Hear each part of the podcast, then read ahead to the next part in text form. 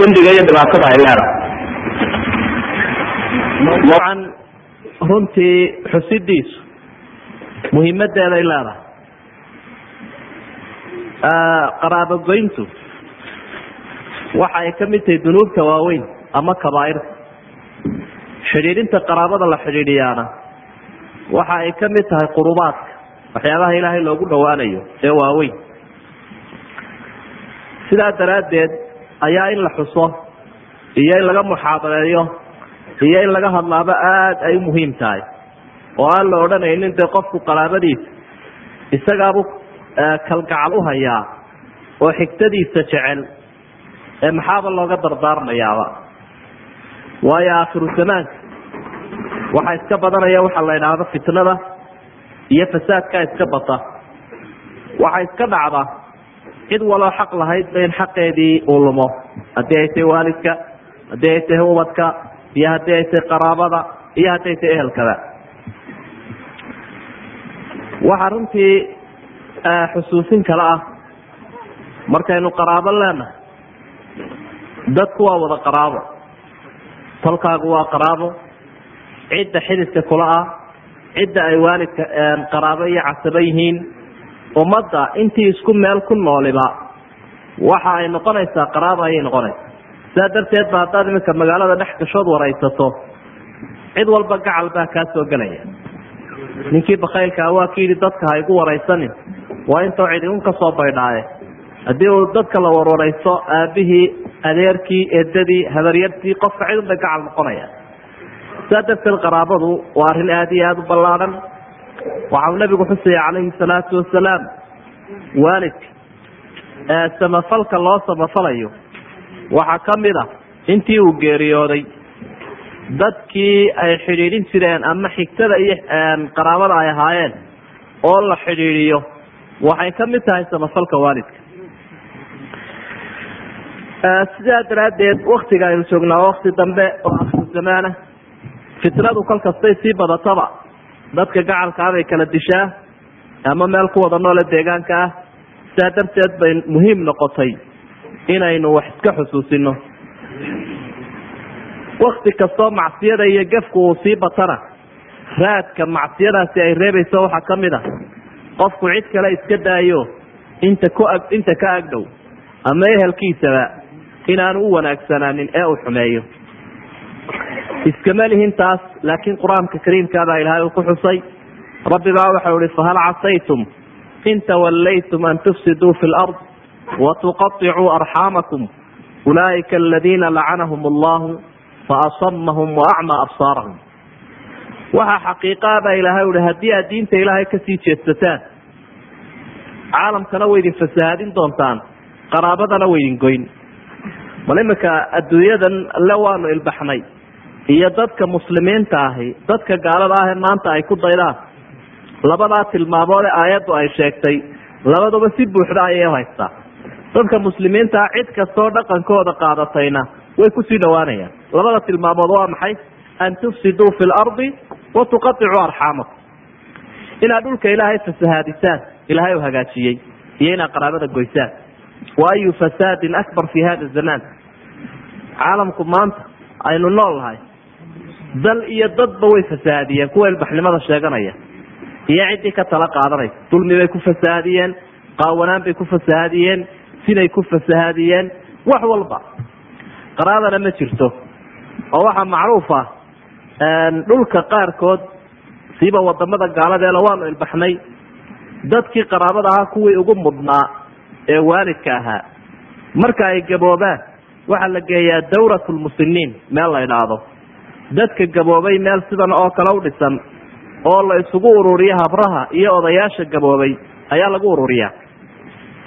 Kadalik ciyaalkiina waa in xanaano la geeyaa. Dadkiina qof waliba isagoo suka ah waa inuu gaarkiisa u socdaa. Wa tuqaicu arxamakum. Wax qaraabo la idhaahdaa ma jiro agtooda. Weliba marka ay sii waaweynaadaan waalidkaas waxa shuruucda qaarkood ay banaynayaan in irbad lagu mudo oo laga takhaluso oo la idhaahdo kane xayaatada isna dhadhan kuma hayo. Ummadana wax faa'iide ah oo u soo wadaa ma jira ha laga takhaluso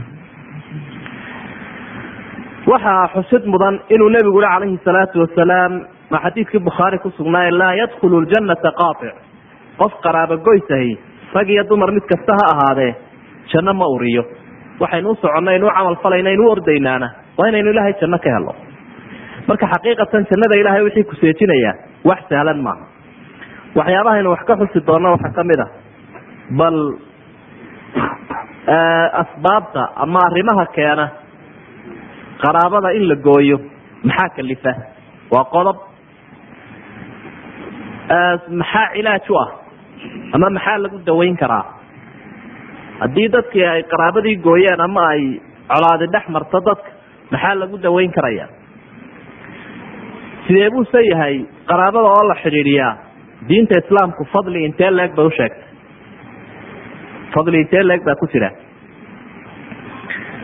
Inahaasaynu runtii wax ka soo qaadan doonaa. Waxaynu aada u badin doonaa inaynu baxdiga sheekhani uu sameeyey maxamed xamed inaynu bal aada uga soo qaadano asbaabta sababaha had iyo jeer keena in qaraabada dadku ay jaraan qaraabo marka la idhaahdana de waa kullu qariibin lahu walow magacyo kala duwan ha lahaadeen. Tani waa ooridii qariib bayt leanna qur'aanku wuxuu ku sheegay asaaxibu biljanb waxaa lagu sheegay ooridii iyo xaaskii iyo gabadha ninkeedii. Waxaa lagu sheegay asaaxib biljanb waa kii ka agdhawaa isaga. Waa qariib uu leeyahay. Waalidkii waa qariib. Walaalihii waa qariib. Bulshadana sii durki kuwii kaleba. Marka sababaha runtii keeni karaya haddaynu wax ka tirino iyadoo sababaha runtii wax badan aynu ku hayno waaqiceenna waxaa ka mid a aljahl. Aljahlu bicawaaqib alqaicati alaajilati walcaajila isagoo qofku markaa uu ka dhacsan yahay qaraabo goysnimada mushkilada ka imanaysa ee mid dhow iyo mid dheerba leh ama mid adduunyada iyo mid aakhiraba leh. Waxaa kaloo qofku uu ka dhacsan yahay fadliga ay leedahay qaraabadiisa uu xidhiidhiyaa diinteenna waa diin aada u cajaayib badan. Bal dadka kuwii kugu dhowaa ee aada ugu jeclayd ayaa lagule ayaa lagugu guubaabinayaa xidhiidhintooda iyo wanaajintooda oo lagaaga digayaa xumayntooda. Waa mid aada iyo aada u cajiib badan. Sababaha waa wax badan baa maanta aynu arkaynaa oo jahligaas waa jiraa dadku diintoodii wax badan bay ka jaahiliin dadku waa dad muslimiina. Tawxiidkii waa hayaan. Hadday doonaan way tukanayaan laakiin haddii la idhaahdo maxaa awlawiyada? Diintaada maxaa muhiima? Maxaa farala? Maxaa sunaa xaqiiqatan wax badan baanu qofku garanayn. Waa mushkiladiina haysata jahliga. Taasi waa sabab. Sababta labaadee keeni karta qofku inuu fudaysado muhimadan ama arrintan weyn oo ah qaraabadiisa inuu xidhiiriyo waxaa ka mid a dacfu taqwa. In alla qofku uu daciifo. Dabeetana uu garan waayo xuquuqda lagu leeyahy ila ilahay xaq buu ku leeyahy naftiisu xaq bay ku leedahay. Qaraabadiisu xaq bay ku leedahay. Marka xuquuqdiibuu garan waaya qofki qofka inta uu taqwo leeyahay. Ee taqwadiisa iyo iimaankiisa uu qofka sareeyo yucطi kula dii xaqin xaqa. Cid walba xaqeedu siiya. Kolse haddii iimaanka qofku uu lismo oo rifan iyo lisan uu ku dhaco waxa ka lumaya waajibaadkaa siduu u dareemaya saaran waxaa sababaha ka mid a ama sababta saddexaada alkibr. In qofku uu isweyneeyo oo marka ilaahay dadka qaarkood uu siiyo cilmi ama madaxtinimo ama maal ee uu arko dadka inuu dheeraad ka leeyahay dadka qaarkood baan sooba jeesaninba. Oo wixii ay yaqaaneen iyo wixii ay qaraabo ahaayeen iyo ciddii xaq ku lahaydba iska ilaawa laakiin qofka muslimka ahi sidaa maahae waxa uu dareemaya nicmada ilaahay uu siiyey inuu uga faa'iideeyo walaalihiis nicmada ilaahay uu siiyey dheeraadka uu leeyahay inuu uga faa'iideeyo ee ma ka kibrayo. Sababahaas waxaa ka mid ah alinqitaacu tawiil inuu qofku ka maqnaado ehelkiisa.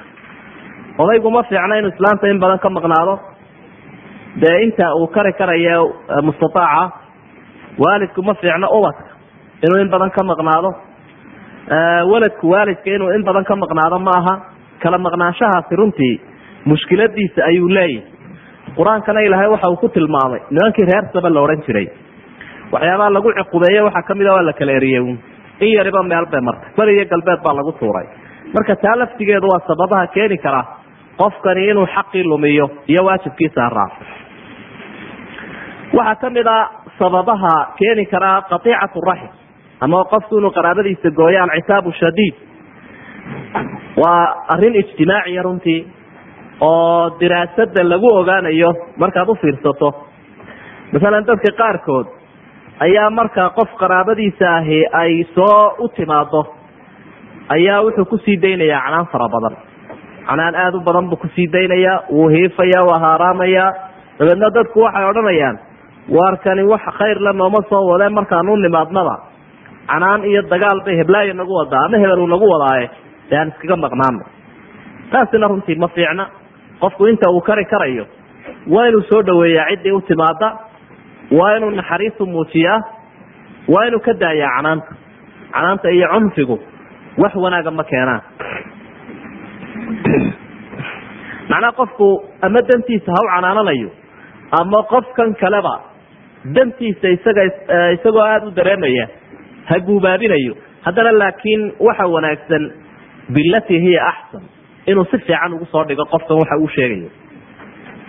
Waxyaabaha goyn kara qaraabada waxaa ka mid a ama keenaya takalufu zaaid atakalufu zaaid macnihiisu waxa weye qofkii marka loo yimaado wuxuu isa saarayaa xil aada u weyn ayuu isa saaraya waanu iscuslaynaya markaasaa laga yaabaa haddii dhowr neef o adhiya u haysto inuu midkood qalo ayaa laga yaabaa haddii uu carruurta wax yaroo khaasa uhayay inuu waxaa martida siiyo dabeedna dadka qaraabadiisa ahay kolka ay arkaan qofkan oo dhiban oo aada u kadeedan oo culays badan dareemaya.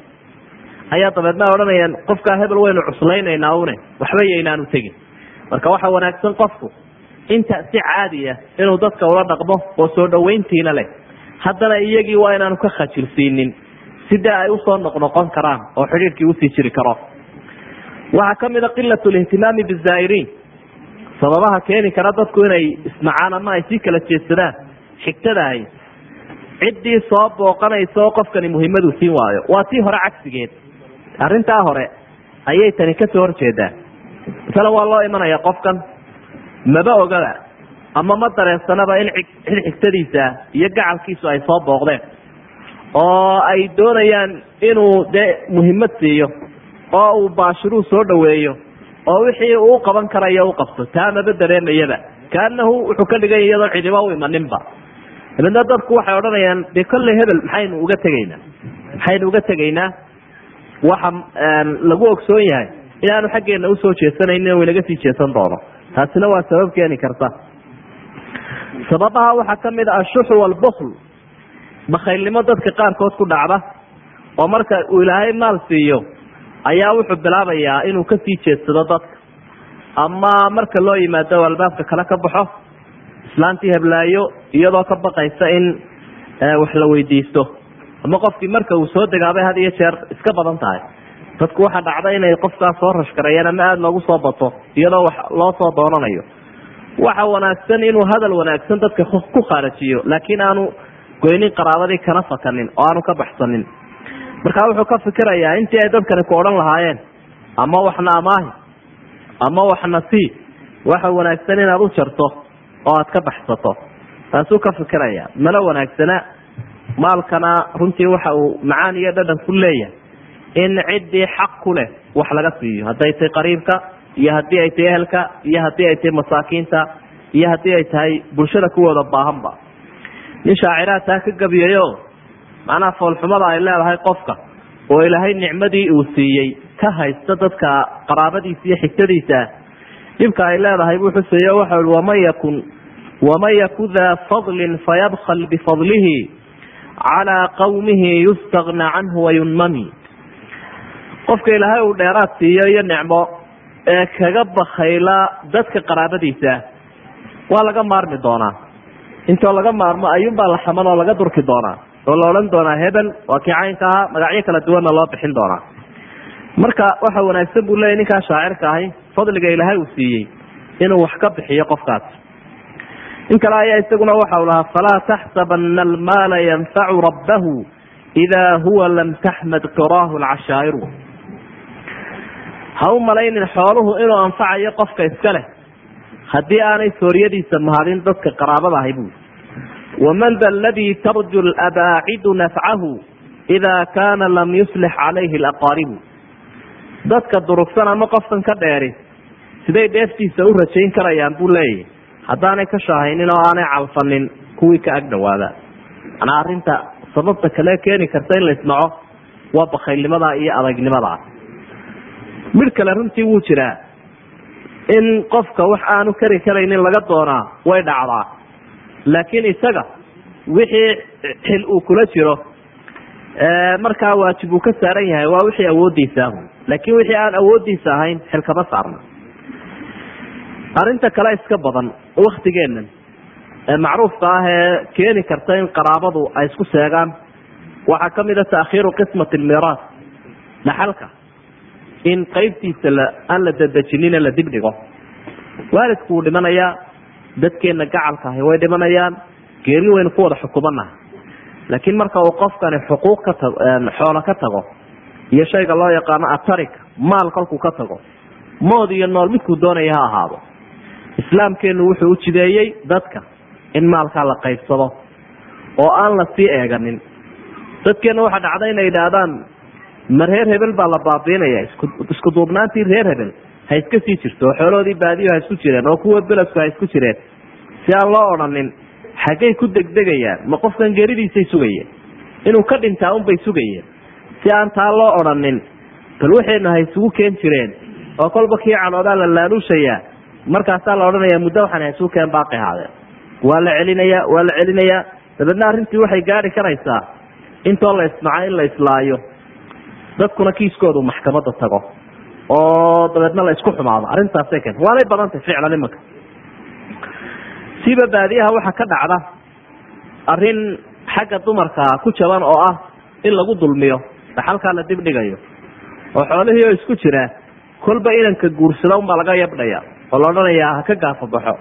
Macnaha waa inuu yaradkii ka bixiyo gabaatigii ka bixiyo isagana in loo jaro la idhaahdo waa la yabdhayaa maxaa soo haraya markaa? Ama inamadii baa marsanaya xoolihii ama dee sidaasaabay ku dhamaanaya dabeedna hablihii iyo islaantii iyagu waa nasiibkood habluhuna dee ciddii ay guursadeen bay yihiin. Islaantuna dee qoysunbay markaa docdooda fadhiisanaysa taasina dabeed waxay keenaysaa dhibaato ah runtii in la isku naco haddii ummadda in dhaxalka uu isugu jiro ay u fiican tahay ilaahay baan dhaxalka u soo rogeen ee inay isku daystaan baa loo soo jeedin lahaa. Laakiin waxaan maalka la idhaahdaa wuu xadanto badan yahay dareenkiisuna aad buu badan yahay. Xigtadana uu kala dilaa. Waa kii arkay ninkii wadaad ninkii nin baa arkay laba wadaadoo iskunkale wuxu laxajeclaan idin dhex maray. Macnaha wuxuu uga jeedaa baasha laxajecladu dadka way kala dishaa. Haddii adduunu idin dhex mara sidaa isumaydaan sii jeclaateen buu leeyahy marka taa ha lagu baraarugsanaado oo islaamkeenu wuxuu jideeyey qofku markuu dhinto waalid ha ahaado walaal ha ahaado in marka hawlka laga bixiyo iyo wixii lagu aasayey iyo kafantiisi iyo dayntiisi iyo sekadii marka laga bixiyo muddo yar kadibba in la iska qaybsan karo. Taasaa mashruuca. Si dadka walaaltinimadooda ay u baaqi ahaato si xoriyadoodii xagga tasarufka ay u baaqi ahaato. Qof kale wuxuu doonayaa wixiisi inuu ka guursado kan kale wuxuu doonayaa wixiisi inuu sarifto oo uu ku shaqo tago kan kale wuxuu doonayaa wixiisi inuu cid ka bixiyo cid wax ka siiyo hadduu doonaya masaajka ku dhig. Marka arrintaa runtii aad baynu u baraarujinayna in lagu baraarugsanaado dadka waxooda loo qaybiyo qofka xaqii la siiyo. Arrinta kale iyaduna keeni kartee taas la sii socotaa waxa weeyaan waa shuraakada. Dadka qaarkood baan dhaxalba wada lahayn laakiin xoolo kale isku darsada. Soomaaliduna waxay macruuf ku yihiin markay wax isku darsadaan inta badan waxma kala qortaan. Waxay aaminsan yihiin hadday wax kala qortaan inay taasi keeni karayso aaminaa daro oo miyaadii aaminsanayn baa imanaysa hadday yidhaahdaan heshiis iyo qaanuun iyo nidaam aynu shirkadeena ku wadno oo aynu ku kala soconno aan qoranno. Dabeed hadhowto waxay keentaa in midi badsado wixii midi tasaruf dheeraada uu sameeyo midi uu isagu awoodisa siiyo. Dabeedna halkaa la isku naco haddii dadka qaraabadii ay wax wada yeelanayaan ay shuraakoobayaan mood iyo nool midka sidaa ku shuraakoobeen. Walow hagbada islaamu isku darsadeenna ha ahaatee waxa fiican in nidaamkoodu caddaado nidaamka waxa loo maamulayo nidaamka looga sadaqaynayo kolba cidda taladu ka go'ayso waa in laga heshiiyaa nebi daawud calayhi salaam ayay u yimaadeen malaaigtii imtixaanaysa. Laba nin baa u yimi sida qur'aanku uu tilmaamayo waktiga hore. Nin baa wuxuu ka cabanayaa kii xoolaha badnaa inuu soo weerarayo oo midhkiisii uu doonayo. Daawud waa kii jawaabee lahaa waina kaiira min alkhulaaai layabqi bacduhum calaa bacdi ila aladiina aamanuu wacamiluu saalixaati waqaliilu ma hum waa qisadii daawud dee lagu imtixaanayo saad ka akrii karayso qur'aanka in badan oo kamida bui dadka wax isku darsadaa way qaarkoodba kuwa kale way ku xadgudbaan. Waa arrin iska macruuf oo soo jireena mar haddii wax la isku darsado. Marka nidaam adag iyo daacadnimo ayaa ka hakin karta arrintaa. Saa darteed taanaha lagu baraarugsanaado oo dadku marka ay wax isku darsanayaan si aanay isu nicin ha ku xisaabtamaan wixii kala hagi lahaa. Waxyaabaha kamida runtii qaraabada goyn kara waxaa ka mid a altaqaarubu fi lmasaakini bayna alaqaarib. Arrintana iyaduna way iska badan tahay oo waa wax jira in guryaha ay dadka qaraabadii ku ururaan oo masalan markuu dee xaasku meel ku wada jiro inamadii qaar guursadaan hablihii qaar guursadaan in gurigii lagu soo wada ururo oo kana maksin galo kana maksin galo kana maksin galo. Wax dhici kara weeyo runtii jira. Dumarkana iyo caayiladahana arrintaasi way iskaga badan tahay. Mar haddii gurigaa la wada galo taayir baa wareegaya. Dadkii shaqeyo umiya bay wada leeyihiin madbakii baa la isugu imanaya daaradiina waa la isugu imanaya. Dabeedna dumarkii isjeclaa isa soo dhaweynayay dharka isa siinaya wax walba isiinayay hadhowta inay isnacdalaan baa imanaysa. Sidaa darteed ayaa khubarada ijtimaaciga ah ee culimada muslimiinta ee salafku waxa ay ku talinayeen dadka in kalgacalkooda iyo walaaltinimadoodu inta ay baaqi yihiin in meelaha loo kala eego oo walow gurigana ha loo kireeyabe in la kala warwareejiyo intay isjecel yihiin lidalik ba cumar bn khaaab radia allahu canhu sida laga warinayo ayaa waxau ihi muruu dawi lqaraabaat an yatazaawaruu walaa yatajaawaruu waxa u sheegtaan dadka qaraabada ah ee xigtada an yatazaawaruu inaysa soo booqdaan. Walaa yatajaawaruu laakiin aanay aqalka wadagelin waayo isnacaybkii baa imanaya. Marka masalan gabadhi reer ku soo biirtay la guursaday maksin kale loo kireeya ka wanaagsan kan inanka hooyadii ku jirta in lagu xigsiyo way dhacdaa dee duruuftu way nagu badanta laakiin culimadu waxay ka hadlayaan waa wax iman doona. Waa wax iman doona wakti dambe o aan laga diyaar garoobin iman doona had iyo jeerna dee qofku inta uu cusub yahayna waa la isjeceliyay laakiin kolka uu isku bato wareegan iyo iska horimaadkan iyo la isweji badsado arrintaasi way timaadaa. Marka inta la kari karayo in dadka qaraabada la yaro kala durkiyo guryahooda waa arrin fiican. Aksar say waxa uu lahaa sheekhaasi tabaacaduu fi diyaar taqaarabuu fi lmawadda. Waa xagga xaafadaha yaro kala durkista buu lahaa. Si kalgacalkiinu u bato oo xagga kalgacalkiinu uu noqdo mid kor u soo kaca. Oo aydaan u kala fogaanin oo aydaan isu nicin waktiyadan dambena runtii waa arrin iska timaada oo aynu aragno marar badan dadkii isjeclaa siiba dumarkay arrintaasi u badan tahay. Oo hadhowta si deg dega isu nacaya. Marka inta la kari karo in xaafadda loo yar kala duwo way iska wanaagsanta waa arrin fiican wey intaan dee waalidkii iyo oridii cusbayd isa seegin intaan waalidkii iyo waladkiisa isa seegin intaan labada waalidba arrintaa darteed isu seegin. Waxyaabaha keeni kara waxaa ka mid a qilatu taxamuli alaqaarib wasabri calayhim. Dadka oo sabirku ka yaraado. Sabirku waa qeyb iimaanka ka mid a. Sabirku waxa uu la shaqeynaya taqwada dadka. Kolka dadka diintoodu ay yaraato sabirkooduna wuu yaraadaa sabirka ummaddu way yaraanaya waktigaa sidaa daraaddeed ayaa qofku waxa uu arkayaa kii gacalkiisa aha ama xigtadiisa simbiriraxa yar buu ku arkaya ama gef yar. Si deg deg u dabeetana ugu cadhoonaya oo u nacaya. Iyada oo la doonayay inuu u sabro gacalkiisa waalidkiisa iyo ummadaba liannahu waxyaabaha aad ku sabrayso inta aad adduunyadan joogto aad bay u badan yihiin taasaana ka mid a waxyaabaha keeni kara in dadka qaraabadu ay iskaga dareen qaataan ama ay isku karaahiyeystaan waxaa ka mid a nisyan laqaaribi fi lwalaaimi walmunaasabaat dadka gacalka ah oo la ilaawo waktiga aada faraxsan tahay qofka siiba wax u soo kordhaa. Ama cidi ha ku timaado ama aroos ha jiro ama allabari ha jiro waktiyaasha munaasabadaha farxadda le had iyo jeer. Dadka gacalkaa waa inaan la ilaawin ee la xusuusnaadaa oo loo yeedhaa oo ay kaala qayb qaataan. Walow telefoon aad ku ogeysiisana ha ahaatee. Leannahu haddii kale waxa dhacda in la isku eedeeyo had iyo jeer oo la idhaahdo waxaasaa kuusoo kordhay ama xafladaasaa jirtay namanaydaan soo ogeysiinin dabeedna halkaa muran uu ka abuurmo. Waxyaabaha had iyo jeer keeni kara dadku inay isku nacaan waxaa ka mid a alxasad. Way dhacdaa dadka qaarkood. Qofkan marka ilaahay uu deeq siiyo inay ku xaasidaan qofkii ilaahay arsaaqad buu siinayaa cilmi buu siinayaa cuudi iyo xoolaa la siinayaa carruur baa ilaahay uu siinaya uu tarmayaa. Dabeedna dadkii gacalkiisa ahaa ayaa qaar kamidii ay xaasidayaan ila shaydaanku cid walba uu soo dhex fadhiisanaya dadku shaydaanku dhex fadhiisanaya ku dhow iyo ku dheerba way leeyihiin dabeedna waxay odhanayaan sawkii caynka ahaa shalay s ayuu faramadhnaa. Maantu dabeetana waxaan helay muu kibraya afkuu taagaya. Way dhacdaa taasina.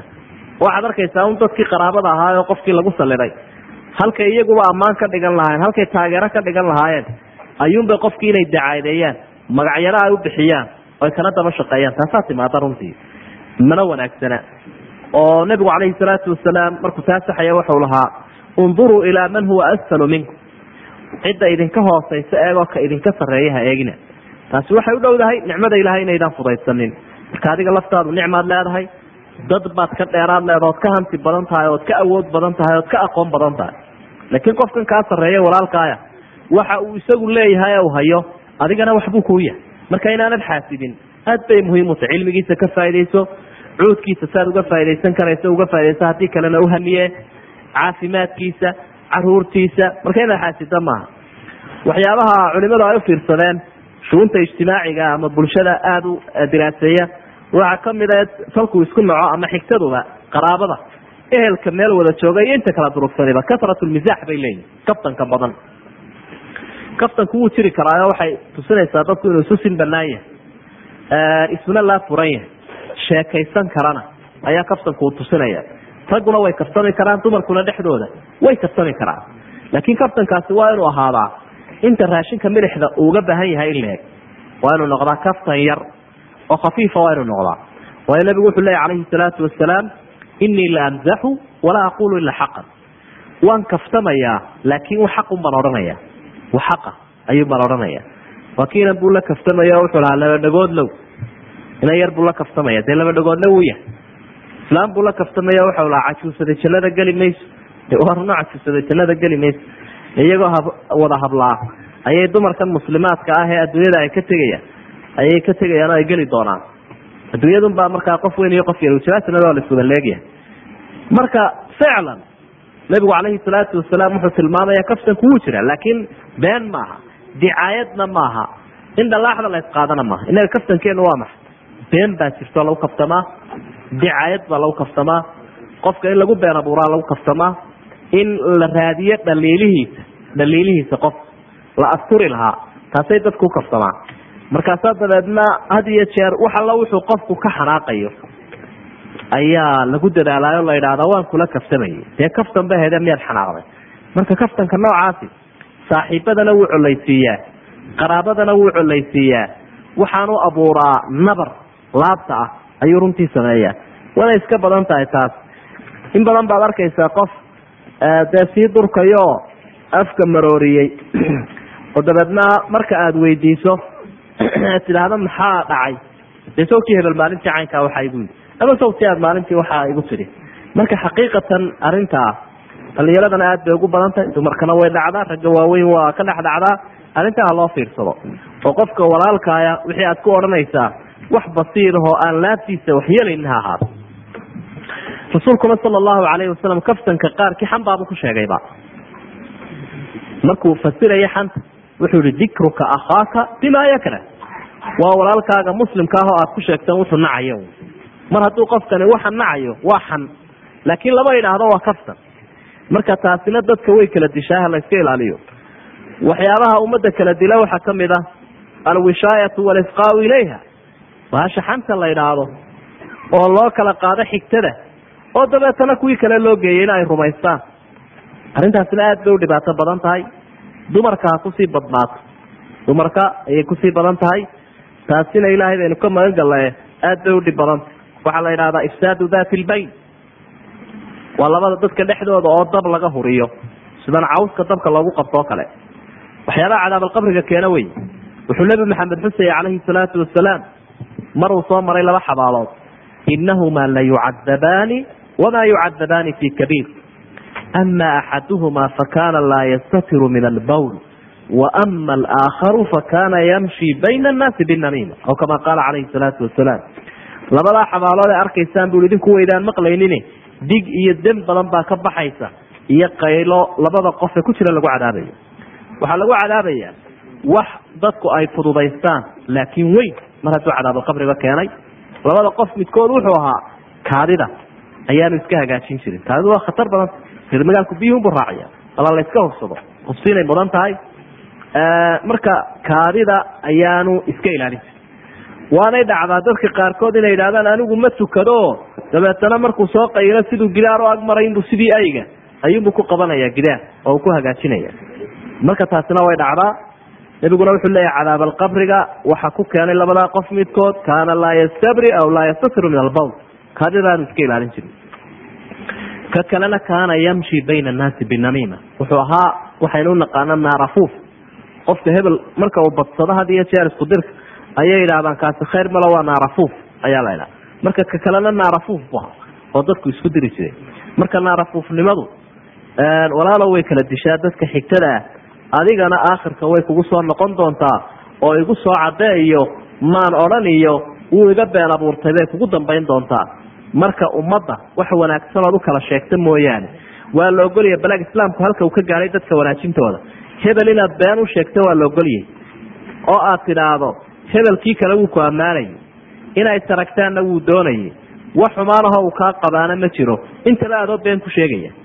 Intaba adoo been isagoon ammaanin isagoo inuu la kulmo aan doonayn isagoo inuu arko aan doonayn waa la ogolaya inaad intaaba tidhaahdo. Adigoo ujeedadaadu ay tahay labadan qof inaad isu keento. Laakiin islaamku waa xaaraantinimeeye inaad run sheegto adigoona wuu ku hadalhayey halkiibuu kaa caayayey halkiibuu waxay waxaa kugu lahaa. Adigoo hadda run sheegaya oo aad maqashayba inuu intaa sheegaya taana waa la diiday.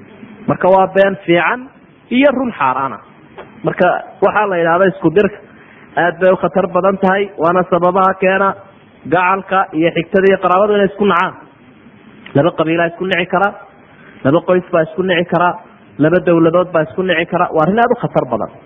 Nin shaacira baa waxau lahaa waman yutic ilwaashina laa yatruk lahu sadiiqan wain kana alxabiiba almuqaraba qofka dhegaysta buri isku dirayaasha laa yatrukuu lahu ugama tegayaan sadiiqan wax saaxiibay ku reebayaan ma jiro haddaad ninkay saaxiib male haddaad gabadhnayna saaxiibad male waxa li yaalo wax saaxiibahoo kuusoo harayaa ma jiro kii wax yidhahdaba miyuu igu lahaa macaynkaasuu yidhi mid walba haddaad tidhahda dhegaysato meesha ku saaxiib bashay buu yihi dadka kugu dhow ahaadeen waxyaabaha keena waxaa kamida suu lkhuluq min bacdi zawjaat. In had iyo jeer dumarka qaarkood akhlaaqdooda ay daciifto. Reerkii oo iska wanaagsan oo iska wada degan oo odaygii islaantii fiicayn inamadii hablihii la joogaan. Dumar kaloo la qabaa joogaan. Qaar kaloo qaraabadiina ka ag dhow yihiin. Siba inaguna dee dad mutakaafiliina baynu waynu ku fiicanaysaa waa bulsho isxilqaanto isku xidhan baynu nahay.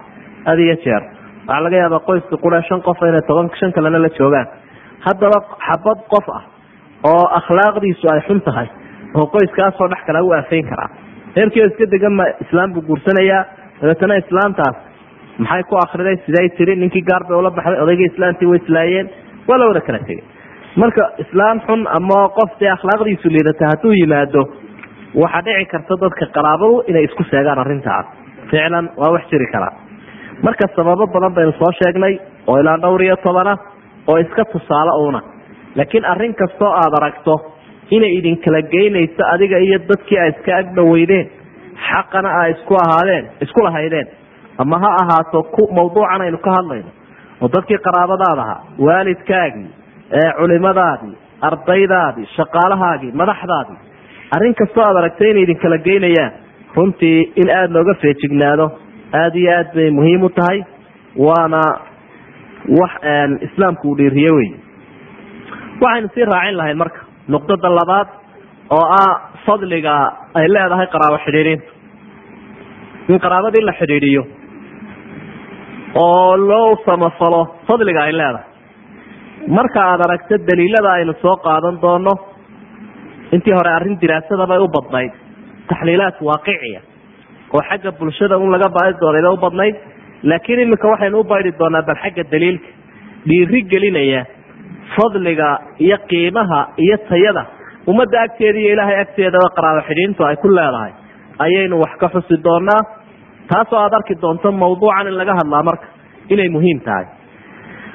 Marka u horeysa silat raxim shicaaru liimaani billahi walyawmi alaakhir waa astaan muujinaysa inuu qofku iimaanno leeyahay ilaahayna rumaysan yahay astaan muujinaysa wey kol haddaad aragto qofku ehelkiisa oo wanaagsan abi hurayra radia allahu canhu waxau ihi nebi maxamed sala allahu alayhi wasalam ayaan maqlay isagoo leh man kaana yuminu billahi walyawmi alaakhir falyukrim dayfa waman kaana yuminu billahi walyawmi alaakhir falyasil raxima qofka ilaahay iyo aakhiro rumaynaya.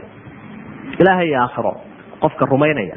Waa qof iimaanle dabcan oo indheer garaba oo aan arrinkiisu ku egayn wuxuu arkaya ilaahay boqorkaa inuu ishortaagi doono aakhirana tegi doono la xisaabin doono qofka rumaysani waa qof mumina waa astaanta muminka. Qofkaasi martidiisa ha maamuusa buu nebigu ui calayhi salaatu wasalaam. Mar kale uu ku celiyo waxau ihi qofka ilaahay iyo aakhiro rumaysan qaraabadiisa ha xidhiidhiyo macnaheedu waxa wey haddaanad tolkii xidhiidhin haddaanad sokeeyihii xidhiidhin haddaanad xididkii xidhiidhin waxa aad tahay midaan ilahay iyo aakhiro rumaysnayn. Waa arrin iimaankii ku xidhan waa shicaaruliimaan baa lagu tilmaamay waa astaamaha iimaanka. Arrintan inaanay sahlanayn kolkaasaad arkaysa. Waxaa kaluu nebigu xusay calayhi salaatu wasalaam oo dhiiri gelinaya inaynu qaraabada xidhiidhino silat raxim sababun liziyaadati alcumr liziyaadati alcumri wa basdi risq inaad xidhiidhiso dadka kaa agdhow ee gacalka ah waxay sabab u tahay cimrigaaguna inuu kordho cimrigaagu inuu kordho calafkaaguna bato. Labadaas baynu u jecelnay haddii iminka qof la yidhaahdo adduunyo bix cimrigaagaa dheeraanaya. Aad bay u cajaaib badanta ilaahay baa tilmaamay gaalada yawadu axaduhum law yucamar alfa sana. Mid yaa kamida wuxuu ku fikiraya cimrigiisa in kun sano laga dhigo. Kun sano. Haddaba waxa uu cimrigu ku kordhaa ee cimrigu ku bataa ee qofka calafkiisuna uu ku dheeraadaa waxa weeyaan qaraabada u xidhiidhiyo. Iyo dadka sokeeyaha iyo gacalka oo wanaagsan yahay. Bal xadiidkan aynu eegna rasuulku sala allahu alayhi wasalam xadiidkuna bukhaari buu kusugan yahay. Waxau ihi man axaba an yubsata lahu fii risqi wayunsa'a lahu fii athari falyasil raxima qofka jecel in arsaaqadiisa loo ballaadiyo cimrigiisana loo dheereeyo qaraabadiisa ha xidhiidhiyo. Gacalkiisa ha u roonaado ha wanaajiyo ziyaadat lcumri maxay noqonaysaa? Culimada qaarkood waa kuwa markay fasirayaan yidhaahda naska sidiisa inagoo u raacayna. Waxa weye qofkii laba cimri baa ilahay u hadduu qaraabadiisa xidhiidhiyo soddon sano jiraya wuxuu jiraya masalan lixdan sano. Haddii uu xidhiidhin waana konton buu jiraya labadaa cimri ilaahay hore u sii qoraya. Marka adigaa kala dooranaya inaad cimrigaagii dheerayso oo aad sbiidka dheer qaadato iyo ka gaaban adaa isu hayaa lagu leeyahy arrin aada u cajiib badan wey arsaaqadiina sina sidoo kale weeyaan oo adigu waxbaad isleedahay uruursee dadkan aad waxu diidayso diidmadoodu waabata wax kala ergeysaabaa lagu leeyahy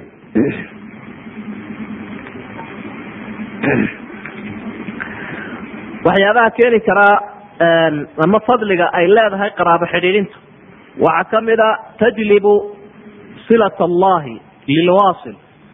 Qaraabada aada xidhiidhisaa waxay keenaysaa inuu ilaahay ku xidhiidhiyo waad arrintaa ufiirsada haddii aad dadka gacalkaa xidhiidhiso ilaahay baa ku xidhiidhinaya. Haddaad goysana ilahay baa ku goynaya. Wax alla wax kuu soo ma jiro. Iyo cid kale oo ku xidhiidhinaysaaba haddii ilahay ku jaraba. Xadiidkan bukhaari isna kusugan iyo muslim. Bukhaari iyo muslim buu kusugan macneed waxa wey axaadiis saxiix ugu sarreeya. Ayaa nabigu waxau ihi ina allaha khalaqa alkhalq xataa idaa faraqa minhum qaamat araxim alrixim waraxim wey marka riximku waa makaankii laakiin alraxim bifatxi ra waa qaraabadii. Ilaahay khalqiga markuu abuuray ee abuurkoodii uu ka faaruquu dhamaystiray ayaa waxa istaagtay qaraabadii. Qaraabadu caynkay ahayd siday ma qof bay tahay. Ilahay baa qof ka dhigay. Qof hadlaya oo muuqaal leh ayaa ilaahay u ka dhigay. Wax hadli karayo dee hadalkeedii waa kanoo de waa nasku soo warinaya. Markaa maxay leedahay? Hada maqaamu alcaa'idi bika min alqaiica ilaahay ow halkan aan taagnahay waxayse soo taagi kara qof adiga kaa magan gelaya in la gooyo. Ilaahay ow magantaabaan ah ilaahay ow in la igooyaan magan ka ayaan magan ka ah. Oon kaa magan gelayaabay leedahay. Markaasaa ilaahayna u ihi ha ha waan kula qaatay. Amaa tardayna an asila man wasalak waaqdaca man qaطacak qaalat bala. Qaala fadaliki laki. Miyaanad raalli ka ahayn baa ilahay uli cidda ku xidhiidhisana inaan xidhiidhiyo cidda ku goysana inaan gooyo. Bal arrintaa cidda adiga ku xidhiidhisa haddaad qaraabad hidte ama ballan waxaan ku qaadayaa inaan xidhiidhiyo. Cidda ku goysana inaan gooyo. Ka macnaheedu waxa weeyaan adigiyo ilaahay waxyaabaha isku seegeysaan ee iska kiin horgeynaya ilaahay bay ka mid tahay arrintani aba waxaad u qaadatay inaad dadkii un isaseegteen ilaahayna waa isaseegteen ilaaha boqorkaa iyo addoonkuna hadday isaseegaan waxba ma hadhin addoonka wax badiilahoo kale oo u soo bedelayaa ma jiro marka waa arrin iimaankii iyo caqiidadii iyo xidhiidhkii alle khuseynaysa arrintan ma sahlana?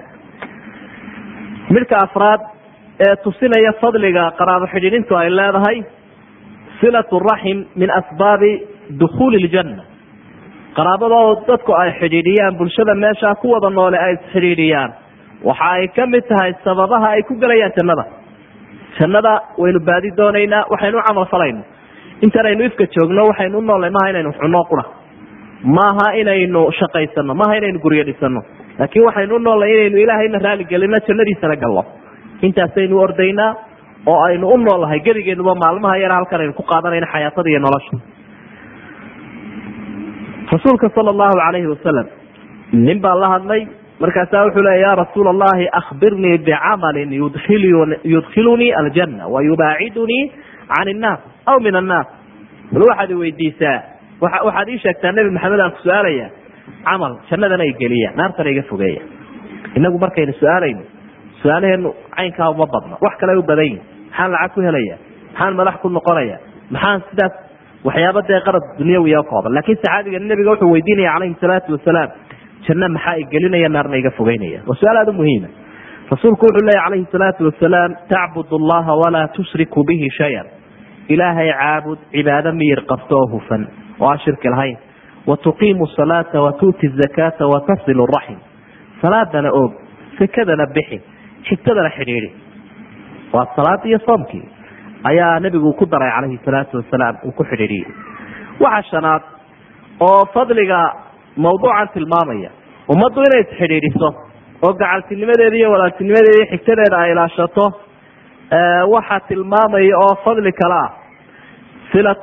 raxim daacatu lilaahi caza wajal haddaad dadkii walaalaha hagaajisay dadkii sokeeyahaaga ahaa xaqa kugu lahaa haddaad hagaajisay ilahayna waad wanaagsan. Ilaahayna waad adeecday ilahayna waad adeecday wladiina yasiluuna maa amara allahu bihi an yuusal wayakshawna rabbahum wayakaafuuna suuءa alxisaab awliyadiisa markuu ilaahay ammaanayay waxa uu ku tilmaamay inay yihiin kuwa xidhiidhinaya wuxuu ilaahay fara la xidhiidhiyo.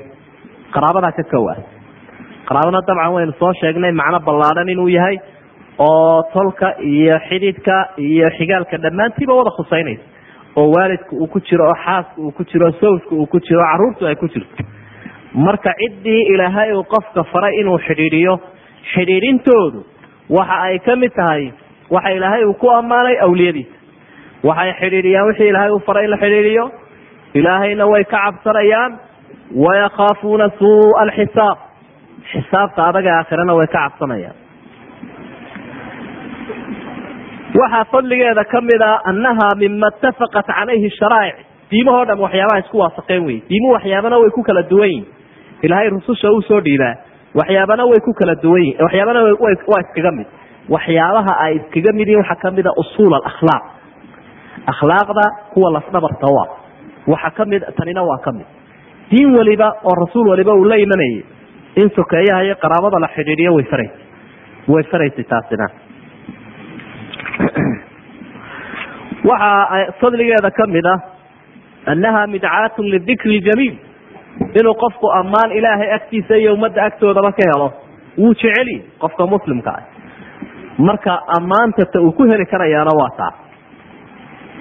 Nin shaaciro ayaa nin kale ayuu ammaanayaa waxa ui cindahu alxasmu wاtuqa waasa sharc wa xamlu limadlaci اlasqaali wasilaatu larxaami qad calima annaasu wafaku lasraa min alaklaali ninkan wuxuu caan ku yahay buu leeyahy inuu dadka qaraabadana xidhiidhiyo oo ummaddu taa way ku og tahay cidda la qabsado ee markaa la soo qafaashe maxbuuska ana wuu sii daayaa buui oo wuu samafalaa waaya waxaynu wax yar iyadana ka xusi lahayn waxaynu soo inuu qofku ammaan ilaahay agtiisa iyo ummadda agtoodaba ka helo wuu jeceli qofka muslimka ah. Marka ammaanta ta uu ku heli karayaana waa taa. Nin shaacire ayaa nin kale ayuu ammaanayaa waxa ui cindahu alxasmu watuqa waasa sarc waxamlu limadlaci اlasqaali wasilaatu larxaami qad calima annaasu wafaku lasraa min alaklaali ninkan wuxuu caan ku yahay buu leeyahy inuu dadka qaraabadana xidhiidhiyo oo ummaddu taa way ku og tahay cidda la qabsado. Ee markaa la soo qafaashe maxbuuskaana wuu sii daayaa buu oo wuu samafalaa waaya waxaynu wax yar iyadana ka xusi lahayn waxaynu soo qaadanay sababaha keeni kara dadku inay ismacaan qaraabadaahi fadliga ay qaraabo xidhiintu leedahay waxaynu wax yar iyadana ka xusi lahayn bal waxyaabaha keeni kara inuu qofku xidhiidhiyo qaraabadiisa maxaa kugu saacidi karaa taa qudheeda ood u baahanta inaad wax ka ogaato maxaa kaa saacidi karaa inaad dadka xaqa kugu leh ee xigtada aada xidhiidhiso. Atafakur fi alaahaari almutaratibati cala sila waxaa ka mid oo kow ah raadka ay leedahay. Wax waliba raad buu leeyahy camal kastoo la qabtaaba raad buu leeyahy marka ummadda kaa agdhow oo aada xidhiidhisaa raadka wanaagsana ka dhasho bal efarta xumaantuna raad bay leedahay wanaaguna raad buu leeyahy haddaba marka aad dadka kaa agdhow wanaajiso raad fiican bay runtii ka tagtaa. Ooay ka mid tahay inaad qalbiga ka nasato ooay ka mid tahay inaanad iyaga ka cabsan ood ka mid tahay inaanad warwarin ooay ka mid tahay inay iyagu ku garab qabtaan. Waxaa ka mid ah alisticaanatu billaah iyadoo aada ilaahay kaashatoo tidhaahda ilaahay anigu itaalmanihe ilaahay kuwa inaanan meel kaga dhicin adigu iga saaci. Ood ducaysata macnaha ilahay ina samafalka waalid iyo samafalka ubad iyo samafalka qofka sawjka ah lamaanahayga kuwa iga agdhow ummadda ilaahay taa iga saacid inaad runtii ilaahay baridaana ducaduna waa ka qayb weeye. Waxyaabaha kaa saacidi kara waxaa ka mid ah malaa dadkeena kuba adag laakiin la doonaya inaynu jebino muqaabalatu isaa'ati alaqaaribi bilixsaan arrin islaamku ufuro dhaqamada kale aanay lahayn ee jaahiligahay markay xumaan kugu sameeyaan inaad adigu wanaag u samayso. Eg dadkii qaraabada ahaa ama ciddii ka agdhoweyd wana waxay kugu sameeyeen xumaan. Adigu wanaag u samee. Nin baa nabiga u yimi calayhi salaatu wasalaam waa daliilka arrintaasi. Xadiidku muslim buu ku suganya ninkani waxa uu leeyay dad sokeeyaa baan leeyahay. Qaar gacala baan leeyahay. Anigu waan xidhiidhiyaa iyaguna way igooyaan wa uxsinu ilayhim wa yusii'uuna ilay. Waan wanaajiyaa waxbaan siiyaa way ixumaynayaan waan ka dulqaataa way igu aflagaadoonaan bal ka waran mar kastoo wanaag keena iyagu waxa ay keliya iga horgeeyaan waa xumaan. Maxaa yeelaa? Mushkiladaas ay haysato nebigu wuxuu ihi calayhi salaatu wasalaam lain kunta kamaa qulta fakaanamaa tusifuhum lmal walaa yazaalu macaka min allahi dahiiru maa dumta calaa dalik haddii arrintu sidaa aad sheegaysa ay tahay oo wixii dhib ay sameeyaanba adigu dheef iyo wanaag aad ka horgeynaysa waxaad ka dhigan tahay. Adigoo raran afka ugu gurayo kale raran bal ad waxaad ka soo qaadaa qof raran dhimbiilo wata afka lagu gurayo macnaha samafalkaagu iyaga dhib buu ku yahay. Dhibkooduna adiga dheef buu ku yahay. Ilaahay xaggiisana midku xoojiyaad haysataa oo iyaga kaa saacido oo kaaga hiiliya. Haddii arrintu saad u ay marka uu dhiirigelin weeye uu soo jeediyey nebigu calayhi salaatu wasalaam. Marka taasiyay ku damqin ee u sabir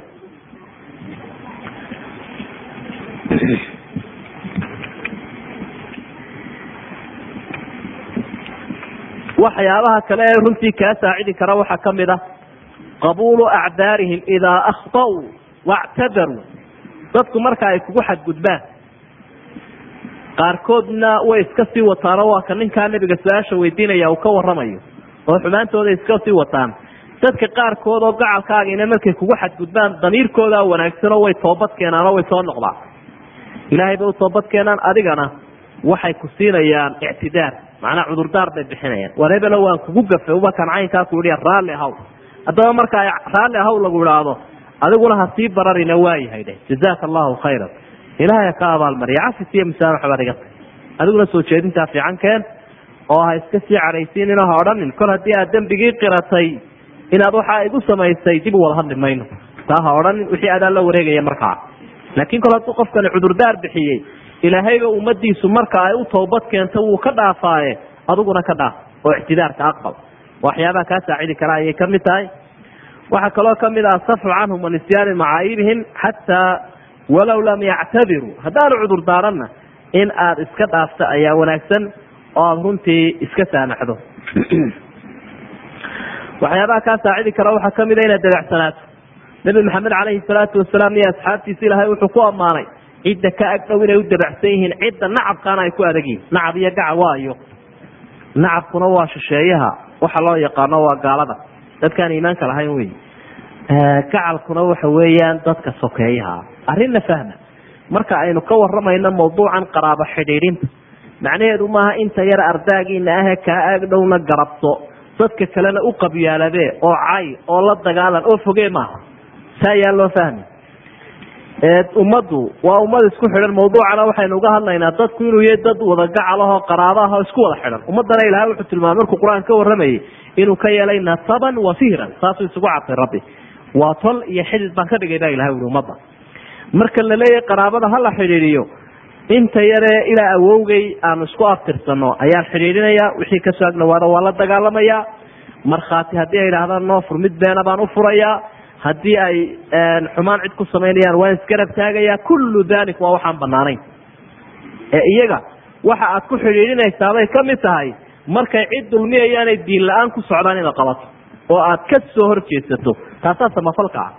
Samafalka waxaa ka mid a siduu ilahay yihi waandir cashiirataka alaqrabiin baa ilahay yihi dadka xigtadaada u dig oo digniinsii digniintii baa layihi marka digniintaasi waxa weeye qofkani markuu haadaan ka dhacayo ee diin la'aan uu ku socdo ee dadka uu waxooda dhacayo ee uu isagu qabyaaladaynayo ee uu wax dilayo wax fasaadinaya inaad tidha anu kuguma jiro. Tolma nihin adeer kadaa sidaa kuma wada socono xigtana kuma nihine. Laga bilaabo imika ka aad dulmiyaysaabaan la safanahay waa inaad tidhaahdo. Qaraabo xidhiidhin sidaasaa u ah. Laakiin haddii aad isku baabtaagto xumaha kodad iyo karkaarkumaad ka sii tuuraysa waa adigaa halaagay. Waxba ulama hadin waana kaa ilahay waandir cashiirataka alaqrabiin baa lai dadka kugu sii dhow khatar bay ku sugan yihiin nebi maxamed oo ka qabo. Dadkii bay dulmiyayaan ilaahay bay dulmiyayaan naftoodii bay dulmiyayaan nimanka udigoo gaad waa kii nebiguna digniinta siiyey. Ee dabeetana abijahal caayay nabiga calayhi salaatu wasalaam lahaa waxaanu moodeynay inaad wax macnale noo sheegayse waxaanaad afka la kala qaaday la qayliyaysaa. Ma waxa weeye cadaabkaagii yaraa aad sheegsheegi jirtay ad odhan jirtay aakhiriya cadaab baa jira. Ma tii baad la timid buu lahaa ilaahay baa ka dhiciyey oo waa kii soo dejiyey suurad la akriyaya ilaa qiyaamaha oo taqaano tabat layda tabat sababtaasay ku soo degtay. Markuu nebigu ummadii xigtadiisa ahayd war naar ka cabsada war ilaahay xaqiisa siiya war shirkiga iyo gaalnimada iska daaya ee abijahal uu caayay. Nebiga calayhi salaatu wasalaam ayaa dabeetna abijahal iyo habartiisiiba suuraddaa lagu caayay ilaa qiyaamaha la akriyayo marka arintan qaraabo xidhiidhinta sida loo fahmaya waxa weeye qofku intuu hagaagsan yahy baa la xidhiidhinaya qofku intuu ilaahay iyo ummadaba u hagaagsan yahay waa in la isku garab taago. Markuu ilaahay iyo ummadda ku xumaadana waa in la qabto oo qofka la joojiyo. Mawduucaasi aynu ufahmna ha cafwan abilahab baan leeyahay. Abilahab macaan tabakeda abilahab suuradda abilahab bay ka warramaysa abijahal kole isaguna nin xun buu ahaa. Oo dee beder lagu dilay oo nebiga kuwii dhibi jire laakiin kanaan qisadiisa ka waramayna markii hore aan isku khaldee waxa weeye abilahab tabat yadaa abilahab wataba maa agnaa canhu maaluhu wamaa kasab. Ilahay baa i sayasla naaran data lahab. Isagu waa abilahab naartuu gelayaana waa data lahab. Way isleeyihiin hadduu isagu xumaan la holcaya iyana dabbay la holcaysa wa mra'atuhu xamaalat alxatab habartiisiina way raacaysa. Waxyaabahaas kaa saacidi karaa in aad qaraabadaada xidhiidhiso waxaa ka ah tarku lminati calayhim waalbucdi can muaalabatihim bilmitl haddaad dadka u samafasho qaraabadaada ah hawga la sheeganin soomaalidu taa way iskaga badan yihiin. Dumarkuna waxay idhahdaan iskamaan sheegin sheekan ku keenay.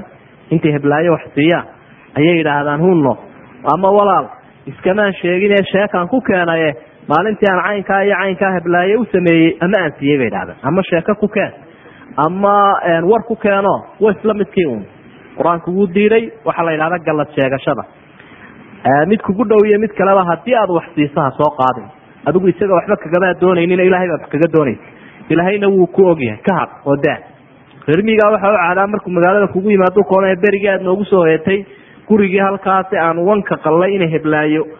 Maya kullu dalik waa la dhaafayaa qofka haddaad xusuusisaba wixii aad siisay waa nooc moraaljaba nooc moraaljaba weeyaan. Ilahay baa laa tubdilu sadaqaatikum bilmani waalada dadka muminiinta ha sadaqadiina ha ku burinina. Bilmani waalada galad sheegasho iyo hiifitaan iyo huruufa raacisaan marka waxyaabaha ummadda kala dilo wey wixii aad siisay inaanad soo qaadin waa waxyaabaha kaa saacidaya inaa ummadda wada socotaan iyo iyadoonaad ka doonin inuu ku siiyo almuaalabatu bilmitl war waxaasaanu kuu samaynay adna wax nasii maalin heblaayo soo saarno waxaa ku siinay adiguna dee imika nasii ha odhanin siisay wax la mid ah ka doonin laakiin qofka ka had. Samaha waxaad u samaynaysa inuu ilahay wax kaa siiyo. Waxyaabaha kaa saacidi kara waxaa kamida muraacaati axwaalihim wa fahmi nafsiyaatihim wa inzaalihim manaasilahum dadkan had iyo jeer qaraabadaada ah xaaladahooda la soco. Cilmu nafsi macnaha waa inaad dareenkooda wax ka taqaanaa. Qof waxa ka cadhaysiiya qof waxa soo dhaweyn kara mid waliba wuxuu u baahan yahay. Mid baa laga yaabaa inuu u baahan yahay un inaad maalmaha qaarkood un soo eegto un mid baa laga yaabaa inuu u baahan yahay qaxwaha in loo yaro buurbuuro oo isaga wax la siiyo.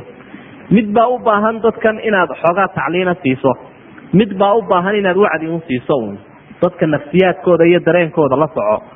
Nebigu wuxuu yihi calayhi salaatu wasalaam anzilu nnaasa manaasilahum caaisha say leedahay wuxuu nebiguna faray an nunzila annaasa dadka inaanu darajooyinkooda kala dejino oo qof walba baahidiisa iyo dareenkiisa aanu la soconno ayuu nebiguna faray calayhi salaatu wasalaam. Marka isku si hawlo wada dhaqmi laakiin qof mid baa cadhadiisu badan tahay mid baa iska degan mid baa oday weyna mid baa islaan yara qof walba dareenkiisa kula shaqee. Si aad darajadiisa u dejin karto oo raaligelintu ay u iman karto. Sidaynu horeba u soo xusnay qofka in la soo dhaweeyo waktigaa isuukiin horeysa laakiin aanad markaad is aragtaan aanad kala hadal inuu qaadaan kaaga baxay. Aanad kala hadal inuu magtii diiday. Aanad kala hadlin inuu sidan yeeli waayey haddaad huruuf kaa badiso isaguna wuu sii baxsanayaa. Dhibkeedaanay arrintaasi leedahay. Horena waynu u soo xusnay kaftanka dadka aqaaribta lala kaftamayo in la yareeyo. Si aanu isaguna nacaybshiye u keenin oo aanu colaadi u imanin. Waxyaabaha kaa saacidi kara waxaa kamida horeyn u soo xusnay. Malaha inaad raadka ka dhalan kara eegto haddaa qofkan aada iskaga goosato maxaa ka iman kara? Runtii waxaa ka iman karaya in aad kala durugtaan oo wax wanaagihii uu ka soo bixi waayo. Taana looma baahna.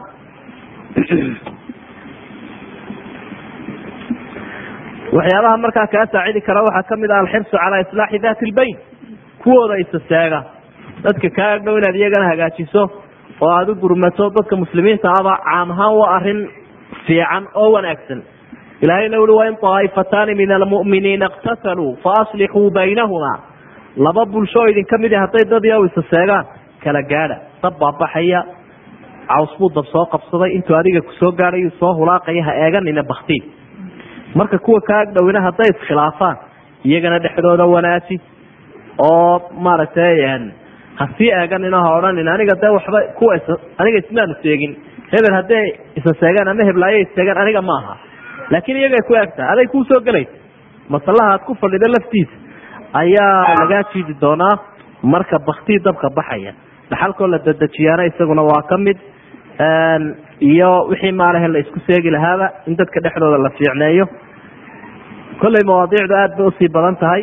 Waxyaabaha kaa saacidi kara waxaa ka mid a wadatashiga in insaanka ama qofka bani aadamka had iyo jeer waxyaabaha qanciya waxaa ka mid a maxay kula tahay?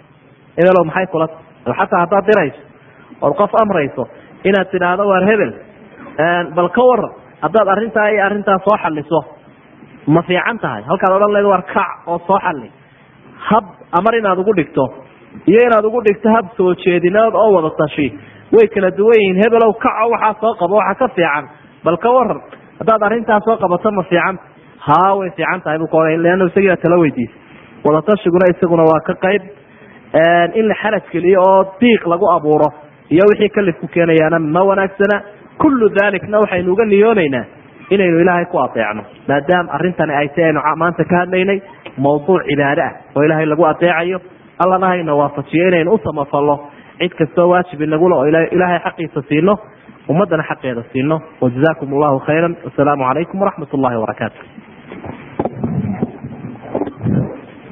bismi illaahi raxmaan raxiim dad ayaa su'aalo soo weydiiyey sheekha kolkaan ha laga yar faaidaysto bal hadda. Su'aasha koowaad waxay odhanaysaa waxaa dhimatay hooyaday iyada oo aan la siin meherkii. Kadibna waxaa dhintay aabbahay iyada oo lagu leeyahay dayntii waxay ahayd toban halaad. Waxaanu doonay inaanu ka bixino dayntii sidee baanu uga bixinaynaa haddii aanu isnahno lacag ku bixiya sidee bay noqonaysaa. Yaase dayntii la siinayaa. Aabihii baa dhintay odaygii baa dhintay sooma waxaan la yidhaahdo meherku. Horta mid waa iga xusuusinoo dee rag badan waxaa li way nagu jiraan in meherka la iska bixiyo. Aad bay ufiicantahay runtii. Soomaalidu islaanta waa la meheriyaa adduunna waa loo magacaabaa dabeetana waa la iskala aamusaa haddii aad iminka meherad haysato bal ka war lagaala aamuso daynta. Ma wanaagsana kii laba cisho kaala aamusa intuu wax kaa qaatay cisho saddexaad waxba siin maysa. Aamusku ma fiicna. Marka yaan lala aamusine inta aada nooshay goorgeeridu ay kugu iman warkana haysiba wayna dul saaran tahay birta ilaahay. Waxa lagama maarmaana in xal la keeno oo horta meherka la iskaga dhaqsado culimada islaamka qaarkood baa qaba inaan lala guri karin lala guri kalaynin gabadha ilaa inaan lala aqalgeli karayn ilaa meherkeeda loo qadimo. Ilahay baa yihi waaatu nisaa saduqaatihina nixla. Hala qadimabaabay leeyihi iyagoo nabiga caleyhi salaatu wasalaam in badan kaga dayanaya taasi waa mid haddii ay dhacdaba waalidkii inuu dhinto isagii oo meherkiile lagu leeyahay oo hooyadii ay leedahay dee islaantu waa meher kale. Islaanta ayaa meher kale oo xaqi ku leh. De iyadun baa la siinaya. Waxaa laga jaraya xoolaha dhaxalka ah. Haddaanu xoolo lahaynna dee waa gashi. Oo wax laga bixinaya ma jiro markaas. Wax laga bixiya ma jiro. Kole baana dee aanu xoolo ka tegin. Waxaa dhacda sidaa cagsigeed iyadoo meherkii iyadu leh inay dhimato ayaa dhacda. Markaana meherkii waa dhaxarun buu noqonaya oo ninkan meherka lagu leeyana waxbuu ku leeyay dhaxalka caruurtiina waxbay ku leedahay qofkaa dhintay aabaheed iyo hooyadeedna waxbuu ku leeyay meherkeedii waa dhaxalkeedi marka dardaaranka hore aynu raacin lahay waxa wey qofku intuu nool yahay ha yidhaahda heblaayadiisan hadduu wada bixin kara waaba xiga saamax. Badhna ha siiyo. Marka arrintaa meherka xal degdega ha loo raadiyo taasi waa mid hadduu isagii dhintana iyadii baa dhaxalkii u qaadanaysa oo dhaxal ahaanba waxay u leedahay dayn ahaan. Hadday iyadu dhimatona waa laga dhexlaya wallahu aclam. Su'aasha labaad waxaa jiri haddii uu qof lacag ku siiyo oo aad ka dhaarato oo uu kuu soo bedelo oo aad haddana qaadato diinta islaamku maxay ka qabtaa? Malaha dee iyada oo soomaali ahayd buu dollar uga soo dhigay bedelku dee masaasa si kastaba ha ahaato haddii aad wax ka dhaarato haddaad wax ka dhaarato oo aad wixii yeesho wuxunaad bixinaysaa kafaaradii nabiguna calayhi salaatu wasalaam ummadda waxa uu farayay marka qofku wax khayrle uu ka dhaarto inuu sameeyo wey markuu qofku shay khayrle ka dhaarto matal qof waxaad ka dhaaratay inaanad hebel wax ka qaadanin. Isagiina wuu cadhoonayaa dib isu salaami maysaa dee wixii ka qaado dhaartii kafaara gud ka bixi. Kafaara dee waa inaad toban miskiin hudheelka geliso. Oo dhergiso hal mar. Ama saddex cisho aada soonto oo labada midkoodu. Laakiin haddaad wax ka dhaarato wixiina aada samayso sida aayaadka suuratulmaa-ida ku sugan ay tilmaamayaan kafaaradii unbaad bixinaysaa waa kafaara gudkii baad bixinaysaa. Marka maadaama lacagtii aad ka dhaaratay aad dib u qaadatay saddex cisho soon ama lacagta laftigeedaba kafaara gudka ka bixiyo masaakiin tobana quudi. Hal mar un baa la dharginaya allahu aclam. Waxau yihi sheekh waa maxay dimuqraadiyaddu diintuse maxay ka qabtaa aada u ballaadhan runtii. Aada u ballaadhan oo dee muxaadaraad badan u baahanaysa markaan si soo koobo diinuna waa diin dimuqraadiyadduna waa diin la'aan. Sooma koobna?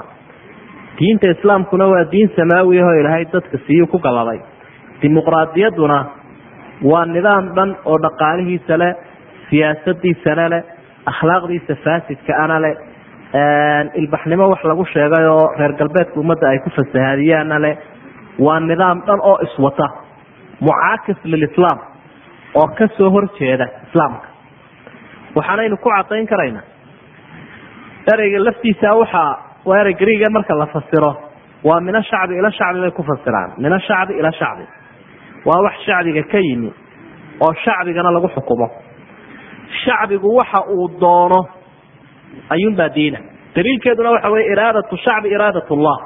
Ayay calmaaniyiintu idhahdaa shacbigu wuxuu doono ilaahay baa doonay. Shacbigu hadday sina doonaan ma ilaahay baa doonay. Hadday khamri doonaan ma ilaahay baa doonay. La.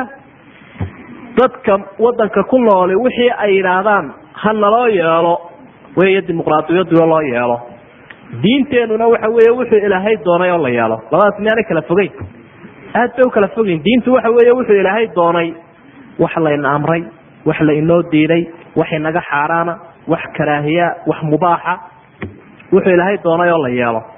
oo isugu soo ururaysa waxaa yeel waxaa daa waxaa ilaahay uu doonay hadday doonayaan dadka magaaladan ku nool oo dhamiba ha diideen. axad salaf baa wuxuu lahaa aljamaacatu man waafaqa alxaqa walaw kaana waxda waxaa la idhaahdaa jamaaco iyo ummad marka la sheegayo waa ka xaqa waafaqa un qof kudhan ha ahaadee. marka hadduu shaygaa ilaahay diido oo ummadeenoo dhami ay doonto maxay noqonaysaa markaa dimuqraadiyaddu way ogoshay laakiin islaamku wuu diidan waxa xaaraantii kuma xalaaloobo hadday ummaddu u badato masala iminka odhan maysid arinta ummadda oo dhamiba waxaasay wadataa ummadoo dhami way ogoshahay hadduu wuxuu xaaraan yahay aqlabiyatu naas baa ogol kuma xalaaloobo. Hadduu shaygaasi waajib yahay ummadda oo dhami ay ka wada tagtana waajibnimadii kama dhacayso marka macnaheedu waxa weye kolkaynu ku soo dhawaano siyaadada iyo saraynta xukumka iyo cidda laga tala qaadanayo ilahay baa iskale iyo sharcigiisa waa marka diinta la eegayo. Dimuqraadiyadda kolka la eegayana dadku waxay doonaan oo loo yeelo wey dadkana waxa ku laran ashahawaat washubuhaat washayaan intaasoo istisaara wadata. Shahwadiisii qofka way wadaa inuu wax walba ku hadluu rabaa inuu wax walba jimaacuu rabaa inuu wax walba cunuu rabaa inuu wax walba yeeshuu rabaa inuu wax walba diluu rabaa qofki shahawaat waa rabitaankiisa shaydaankiina waa ku laran yahay oo isaguna uu ku xidhiidhsan yahay. Shubuhaadkii iyo madmadowgiina horeyba uga sii muuqanaya. Shukuuf badanina way ku xeeranta dadkii waxaasoo balaayaha isasaarayd oo layidhi bal ka waran wuxuu doono wuxuu doono marka waxaa ka soo baxay dimuqraadiyaddii in qofkiio halkaa taagan oo qori cabaysan soo sita aad tidhaahdo war iga qabta booliska wii dilaya oo lagu hada horta ha ku dilo. Horta ha ku dilo dee muxuu wadaa? Waa dimuqraadiyad meeshii xorriyadiisa laga qaadi kari maayo qoriga cabaysan isagaa iska sita waa xor dee xorriyadiisa laga qaadi maayo. Kow markuu kaasiyo dib u hadli maysid waa dhimatayba dimuqraadiyaddii marka dhaxalkeeda la eego. Ninkii wuxuu leeyahay waxaan guursanayaa nin kale. Gabadhii waxay leedahay anigu dee gabadh kalean guursanaya laba gabdhood baa isu sariir wada seexanaya maxay isku kordhi dimuqraadiyaddii waxay leedahay ribadii baan cunayna ribadii arriba. Oo dee dadka sida gofanaha looga soo go-o. Dimuqraadiyaddu waxay leedahay ya'kulu lqawiyu daciif ninka xooga badan ama wadanka xoog badani waa inuu adduunyada ka taliya iyadoon cadaalad la eegeyn iyadoon sinaan la eegeyn iyadoon diin la eegeyn waa inuu raadsadaa kuwa kale. Adigaa arkaya maanta maraykanku meeshii layr cas uu ku shidaba dee hareeraha loo kala bayrayo. Meeshii cid layr cagaaran u shidaana ay laabta soo garaacayso waa kullu dalik waa waxaynaan soo koobi karayn. Marka wuxuuna leena dadkeenana ma axsaabta wada ama maamulada inoo ah ama idhaahdaa intay shaarka hoosta ka mariyeen surwaalka waxbaanu soo baranay ama buugga yar la xiimaya. Eele wadanku waa dimuqraadiyad. Dimuqraadiyad baynu qaadanay. Diin la'aan baa runtii haysata. Jahli baa haysta. Marka dadku yay sida badbaqaada. Iyaguna hadalka sida ekoodoo kale hadalka yaanay u soo celinin war dad muslimiina baynu nahay inagu ilaahna leh rasuulna leh diinna leh. Intaasaynu inagu leenahay intaas wixii aynoo banaysa waynu raacayna. Intaasi wixii aynoo diidayna waynu ka tegayna. Dimuqraadiyadduna dad baa wata dadkuna waa gaalo. De gaal iyo islaamta isugu mid noqon karaya goorma isku ama waa inuu isagu islaam noqdaa markaynu isku mid noqonayno ama waa inaynu inagu gaalo noqono alla inagama dhige ilahay baynu ka magan galnay laakiin mabaadida iyo munalaqaadka iyo meesha laga duulayo iyo meesha ku dhammaanayso waa laba arrimood oo cer iyo dhul isu jira oo aan la sawasawayn karin. Ilaahayna aanu ogolayn diintan islaamka in la sawasaweeyo oo wax la isdhexgeliyo ma ogola marka faariq weyn baa jira midna awoodda u saraysaa waa ilaahay oo markaynu islaamnay marka diin la raacayo awoodda u saraysaa waa ilaahay. Marka dimuqraadiyad la raacayana awoodda u saraysaa waa shicibka faariq weyn baa udhexeeya marka waa diin iyo diin la'aan un baynu ku soo ururinayna. Wallahu aclam. Wuxuu i waxaa muhiim ah in la xidhiidhiyo qaraabada iyo gacalka. Islaamkuna wuxuu leeyahay waa in aan dumarka loogu tegin guryahooda iyadoo nimankoodu joogin ama raggooda aan la joogin. Haddaba maxaa islaamku ka qabaa in dumarka gacalkaa aad tihiin aadna ma soo salaanto iyadoo raggoodii aanay joogin ama nimankoodii aydaan ishaleelayn waa inaad israacdaan way dee runtii dadku uu kala duwan yahay oo dadna waa maxaarim ba isu tihiin oo waa dadaan gayaan ahayn ciddaan gayaanka ahayn. Dee waa in gurigii istidaan la weydiistoo la galo oo khulwo male markaa mar haddii dadku aanay gayaankaaga ahayn oo dumarkii aanay kaa ajinabi ahayn oon meher kuu qabanayn iyaga waad booqan kartaa. Waa taasi waa macruuf. Kuwa markaa gayaankaaga ah ama dee kala ajinabiga tihiin dee usluub bay wax waliba leeyihiin usluub ayay leeyihiin loo booqdo. Haddii caruurtii gurigii joogto oo caruurteedii gurigii joogto xaaskii wax meel gaarahoo la isla gelayaana aanay jirin kolka hore qofku aanu dalaq iska soo odhanin sidan aynu inagu samayno. Albaabkii uu soo garaacay oo intii la uu maaragtay si adable u soo galay wax dhidii ma jirto mar haddaan khulwa jirin.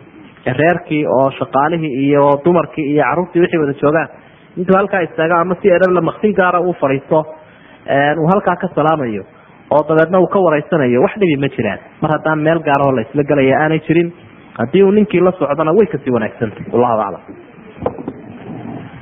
muxuu noqonayaa xukunka qofka gacantiisa ku tufa candhuufa ee ku rogroga kitaabka qur'aanka sharcigu muxuu ka qaba wallaahi horta candhuuftu waa nadiif. Waa nadiif.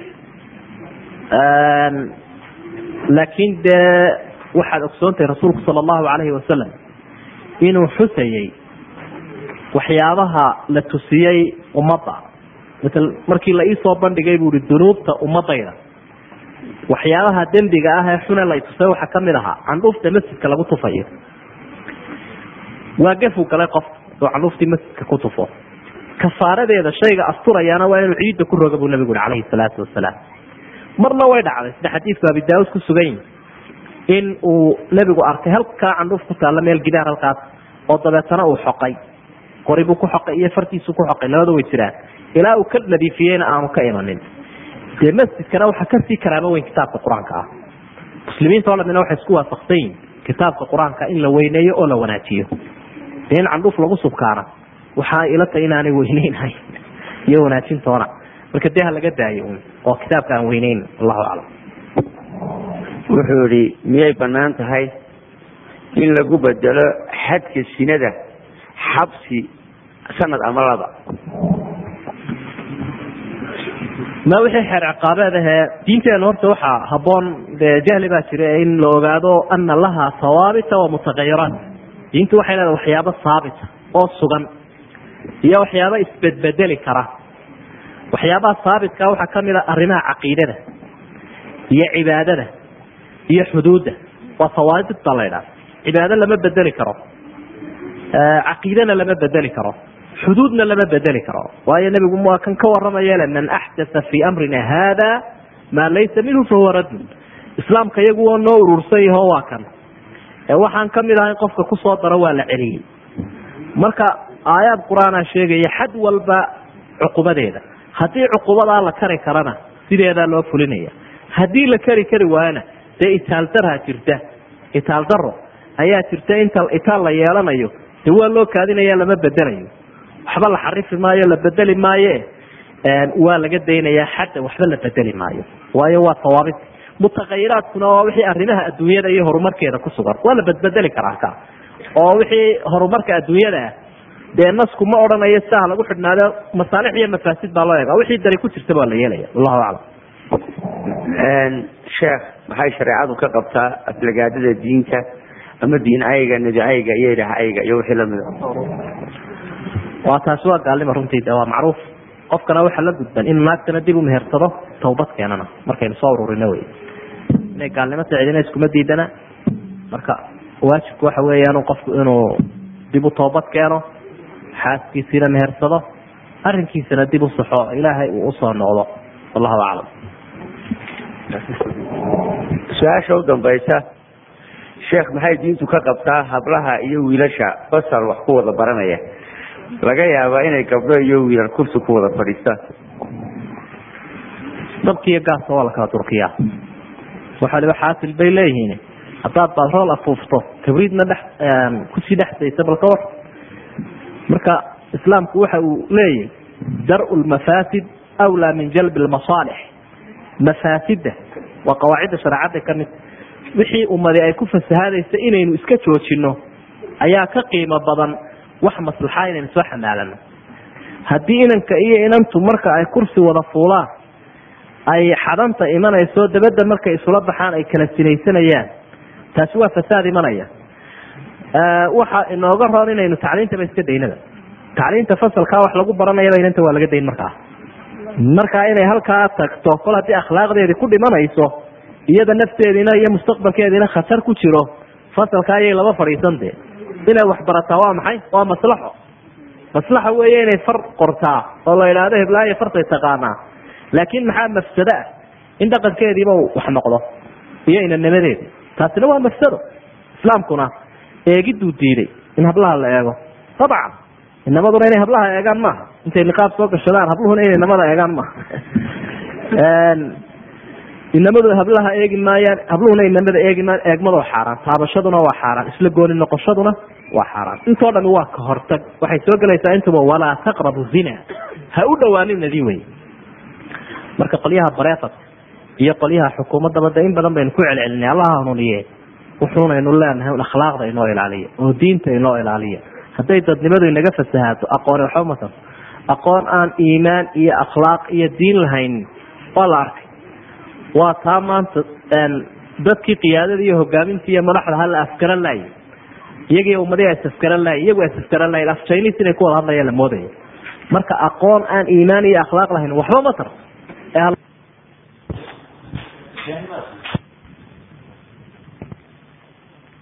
na weydiinaysaa oo jeceshahay in halkan lagaga jaahil tiro su'aal ay tidhi. Haddii bay tidhi islaan cad ah oo da'ah oo jilicsan uu odaygeedu dhinto ma ku waajibaysaa bay tidhi in ay odaygeedii asay u qaado haddiise uu ka saamaxo intii uu noolaa oo uu yidhaahdo haddii aan dhinto adigoo san u jilicsan waxba aseha qaadin arrintaasi suurtagal ma tahay. Bismi illah alxamdu lilah wsalaatu wasalaamu calaa khatami alambiyaai walmursaliin nabiyina muxamedi wacala alih waصaxaabati lkiraam wasalama tasliima kasiira uma ama bacd marka la eego asaydan la qaadayo carabiga waxaa loo yaqaanaa ixjaad ixdaadkaas oo ah muddo loo cayimay oo ilaahay u cayimay dumarku inay ka safraan guur waxaynu odhan karnaa waa xaq ninku uu ku leeyahay ruuxa dumarka ah markii uu dhinto inay asaydaa qaado xidhiidhkan weyne labada qof ka dhexeeyana islaamku waa ku muujinaya. Ixdaadkana sidaynu unaqaano ama loo adadkeeyo waa ka sokeeya. Innaga waxaa dhacdo qofka in loo geliyo dhar gaara oo ama shiida amaba caddaana. Qofkii la yidhaahdo wax subagaha marsanin kadeed fara badan uu la kulmo oo kolba dumar u fisyoodaa intay u yimaadaan. Dawakhaad iyo hawl ay la kulanta ruuxii dumarka ahayd ixdaadku waxa weeyaan afar bilood iyo toban habeen inay ruuxii dumarka ahaa ee da-da yar ay guur ka sabirto. Haddii aanay uur lahayn haddii ay uur leedahayna ilaa intay umulayso weeyaan. Waxyaabaha markaa loo diiday waxaa ka mid ah wixii udgoonaa sida cadarkii iyo saabun cadarkii iyo iyo dharkii bilicda sanaa iyo dahabkii. Intaasun baa loo diiday iyo waxyaabihii dumarku ay marsan jireen sida xini iyo wixii la mid ahaa laakiin subagii oo kale waxu diidayaa ma jiro. Maalin walbana way iska maydhan kartaa. Dharkeedii caadiga ahaa oo iska nadiifana way gashan kartaa. Waana iska cibaadaysanaysa mararka qaarkood waxaynu aragnaa iyadoo dumarku ay leeyihiin hiblaayoy marka aada cunto hilib oo kale si deg dega saabuun ugu farxalo oo dufanka iska ilaali. Qofkii waa u baahan yahay brotiinki iyo shaygii dufanka ahaa markaa wuu iska cunaya wuxu diidayaana ma jiro. Laakiin marka la eego ruuxan dumarka ah dee intaasunbay iska ilaalinaysaa. Da-ba ha ahaatee nolosheediina waa iska caadi wey kolka afar bilood iyo tobankaa inay dumarku soo wada maraan dee aayadda qur'aankaabaa sheegaysa fi suurati albaqara aayadda saddex boqol iyo afar iyo soddon. Ilaahay baa waxau uhi waladiina yutawafawna minkum wayadaruuna azwaaja yatarabasna bianfusihina arbacata ashhurin wa cashra. Ragga idinka idinka mid ah dhimanaya dumarkoodu ha sabreen oo asayda ha sideen afar bilood iyo toban haddii markaa ay uur leedahayna ilaahay waxa uhi waulaatu laxmaali ajalhuna an yadacna xamlahun. Waktiga asaydooda ay dhammaanayso kuwa uurka leh waa inay umusho ruuxii dumarka ahayd marka labadaas siyood baa loo kala qaadaya habkay u ciddo tirsanayso ruuxaa dumarka ah laga dhintay. Laakiin marley tii yarayd iyo tii da-da weyneyd labadaba asaydu way saaran tahay iyadoo intay karayso una oo aan kalifaadan lagu darayo meesha aanay oola laga daynayo.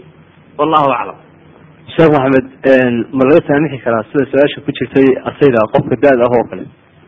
Maya lagama saamixi karayo aayadda qur'aankii waxa ay sheegaysaa intanuu isagu geeriyooday arrin saaran inay tahay. Marka uma suuroobaysa inuu ka saamaxo sidii markii uu noolaa waxyaabaha xaq uu ku leeyahay. Markaa uga saamixi karaya ilaahay ha kaa jasaaysiiyo sheekh maxamed su'aashaasi si wanaagsan ayaan filayaa in dadweynuhu iyo ciddiina soo weydiisaba ay uga qanci doonaan. Su'aasha kale iyo barnaamijkeenan toddobaadkan waxaa inooga timid gabadha iyadana magaceeda la yidhaahdo caashe axmed xuseen. Waxay leedahay haddii laygu leeyahay bay tiri dhowr rabadaan qallahood oo ay tiradii qallaha laygu lahaa iga kala lubtay maxaa laiga baahan yahay inaan soomo? Bismillah alxamdulilah qofka markaa xanuunsanaya amaba safar ku jira ama cudurdaar leh dee waxa islaamku u fasaxayaa inuu iska cuno bisha ramadaan oo cudurdaar buu leeyahay laakiin intii maalmood uu cunay in leeg buu soo qallaynaya. Sida ilahay ba aayadda qur'aanka uu kuui waman kaana mariidan aw calaa safarin faciddatun min ayaamin ukar qofka ama buka ama socdaala ramadaan dhexdeeda uu iska afuraya. Maalmo intii leegunbuu soo qallaynaya. Haddaba haddii uu shaki ka galo inta maalmood ahayd ma toban bay ahayd mise shan bay ahayd waxa uu qaadanayaa tirada bilaa shakiga ah ee tobanka ah ayuu qaadanaya. Iyada oo uu dadaalayo oo kolleyba shayga yaqiinta ah ayuu raacaya. Oo nebigu waxa uhi calayhi salaatu wasalaam dac maa yariibuk ilaa maa laa yariibuk. Waxaad ka tagtaa wixii ku shaki gelinaya oo shayga shakigaa iska dhaaf oo shayga yaqiinta ah raac. Masale qofku isagiioo salaadii ku jira hadduu idhahdo ma labaa tukatay mise saddex labada ayuu raacaya. Dabeetana midii intii hadhayna wuu la imanaya sujuudu sahwina wuu la imanaya. Wakadalik soomkii haddii uu shakiyey oo uu siri ma shan baa lagu lahaa mise toban? Tobanka ha qaato.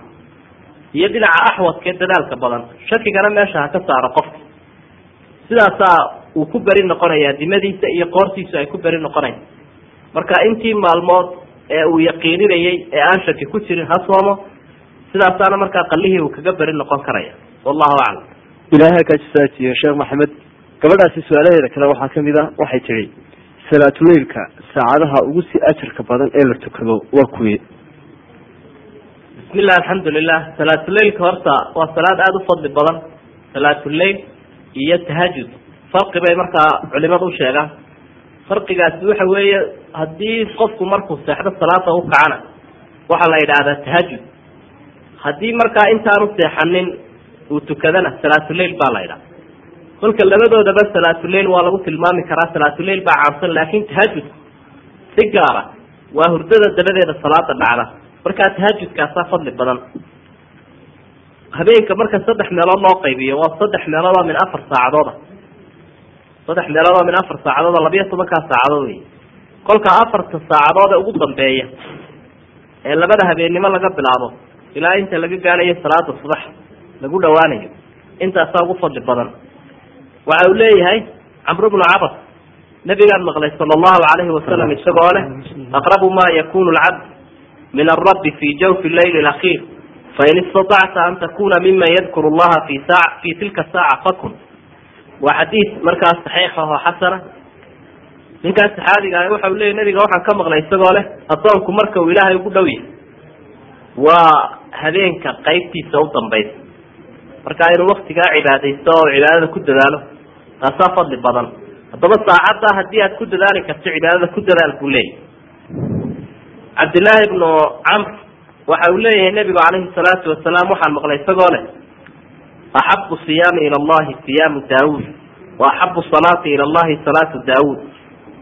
Soom oo dhan ilaahay wuxuu ugu jecel yahay soomkii nebi daawud oo soomka nebi daawud soomka ugu adag buu ahaa maalinna wuu soomaya maalinna wuu afuraya markaa naftii tacab iyo hawl badan bay dareemaysa oo maalin walba waa soom hor leh salaadna ilaahay wuxuu ugu jecel yahay salaadii nebi daawud iyaduna waxa ay ahayd suuradeedu kaana yanaamu nisfa leyli wa yaquumu thulutha wa yanaamu sudusa habeenka niskiibuu seexanayo ilaa labiyo tobanka ayuu hurdaya oo lix saacadood buu seexanaya.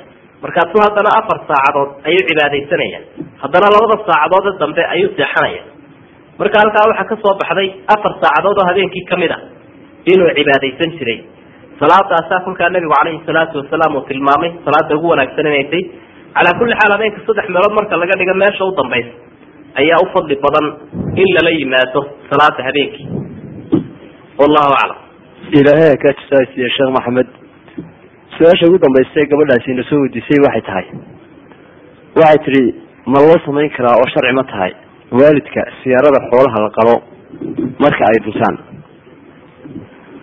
bismillah alxamdulilah qofku marka uu dhinto waxyaabaha gaadhaya waxaa ka mid a ducada oo dee ilaahay qur'aanka waxa uu ku xusay dadka mu'miniinta ah. Kuwooda dambe inay kuwii hore u duceeyaan rabbana kfir lana waliikhwanina aladina sabaquna biliiman walaa tajcal fi quluubina gila liladina aamanuu rabbana inaka ra'uuf raxiim dadka mu'miniinta ah dambe kuwa hore saasay ugu duceeyaan waxaanu nabigu xusaya calayhi salaatu wasalaam qofku marka uu dhintay camalkiisu inuu go'ayo laakiin waxyaabaha u soconaya waxaa ka mid ah walad saalix oo u soo duceeyay. Midka labaad ee culimadu ay isku waafaqeen ee nawowi oo kale uu ijmaacba soo naqilay. In culimadu ay isku waafaqsanya waxa weeyaan qofka dhinta haddii sadaqo loo bixiyo inuu ilaahay gaadhsiinayo sawaabka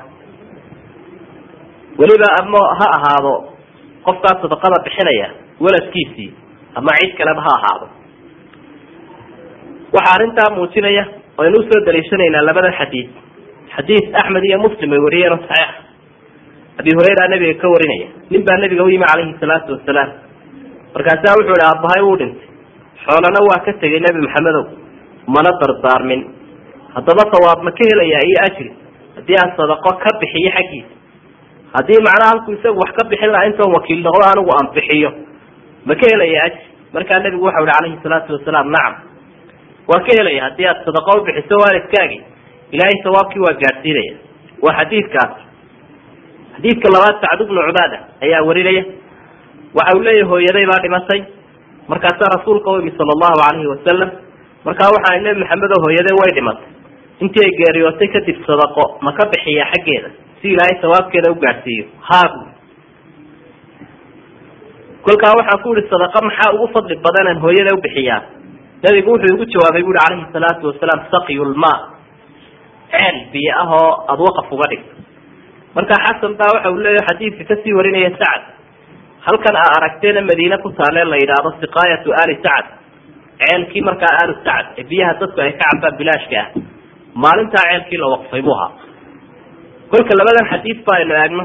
Sadaqadii gaar ahaan ubadku ay u bixinayeen waalidka inay ansaxayso ayaa kolkaa laga qaadanaya midka laakiin dee aan ka sugnaanin salafkii iyo asxaabtii iyo waxa uu ahaa sadaqada waktiga gaarkaa loo yeelayo ama qofku markuu dhinto un dee waajibka la iskaga dhigayo ama sanadkiiba mar laga dhigayo taa maya. Laakiin waktiga ay qofka duruufta u saamaxdo isagoon wakti gaara ku beegeyn ciidna ka dhigayn waa in waktiga duruufta u saamaxdo un sadaqadaa uu bixiya oo aan wakti lagu xadidin. Wallahu aclam sheekh maxamed haddii aan soo gebagabeeyo toddobaadkan su'aalaha oo fara badnaa bal barnaamijkan intaynu kaga jawaabayno su'aalaha waxa uu inooga timid oo aynu ku soo gunaanadi lahayn. Ninka la yidhaha magaciisa ku soo gaabiyey xa a xa ninkaasi bacda salaamta islaamka kadib waxa uu leeyahay diinta islaamku maxay ka qabtaa in dumarku ay booqdaan xabaalaha bismillah alxamdu lilah aimada sida ay u badan yihiin waxa weeye in dumarku ay ziyaaran karaan qubuurta. Inkastoo culimada qaarkoodna diidaan sababtuna waxa weeyaanun xagga adilada oo axaadiista qaarkoodna ay diiday qaarkoodna ay ogolaatay. Laakiin kuwa ogolaanshaha ayaa badan bay leeyihiin ay rajaxeenna markaa culimadaasi xikmadda loo diyaarinayaana waxa weeye in wax laga raadsado ma aha laakiin waa loo ducaynaya waxa labaadoo loo tegayaa si loogu cibro qaato oo qofkii aakhiro ugu xusuusto oo ogaado saaxiibkiisii ka horreeyay kol hadduu halkan gala isaguna inuu halkan ku dambayn doono cabdillaahi bn abi mulayka waxa uu leeyahay caasha oo xaaskii nebiga ah radia allahu canha ayaan maalin la kulmay iyadoo xagga xabaalaha ka soo socota. Markaa waxaan ku yihi hooyo xaggaad ka timid. Waxay igu tihi walaalkay cabdiraxmaan ibn abibakar qabrigiisii ayaa ka imid kolkaasaan su'aal weydiiye on ku idhi oo dumarka miyaanu nebigu u diidin inay xabaalaha ziyaartaan kolkaa waxay igu tihi waa diiday laakiin mar danbuu fasaxay. Uma amara bi ziyaaratiha saxiix buu ku sheegay alimaamu dahabi. Anas binu malik waxa uu leeyahay nabigu calayhi salaatu wasalaam waxa uu soo maray maalin ruux dumar ahoo ilmo yar intu ka dhintay qabrigiisii ka dul ooyay. Markaasuu nebigu ku yihi ilaahay ka cabso iska sabir oo hinta iska daa. May garanayn markaa inuu nebi maxamed yahay. Waxay tidhi xaggaa iga baydh balaayada igu dhacday baan kugu dhicin. Xaggaa ii dhaaf bay ti markii dambea loo sheegay inuu nebigi yaha calayhi salaatu wasalaam way guclayso way ka daba carartay. Waxay tidhi iga raalli kumaan garanaynin. Erey qalafsan baan kugu idhi markaasuu nebigu calayhi salaatu wasalaam taa isaga ku saabsan waxba ma xaalaynayo dhib lama leh. Ee waxa uu ku yidhi inama asabru cinda asadmati alula waxaan kuu sheegayaa heblaayadaadan sabirka qofku uu ajriga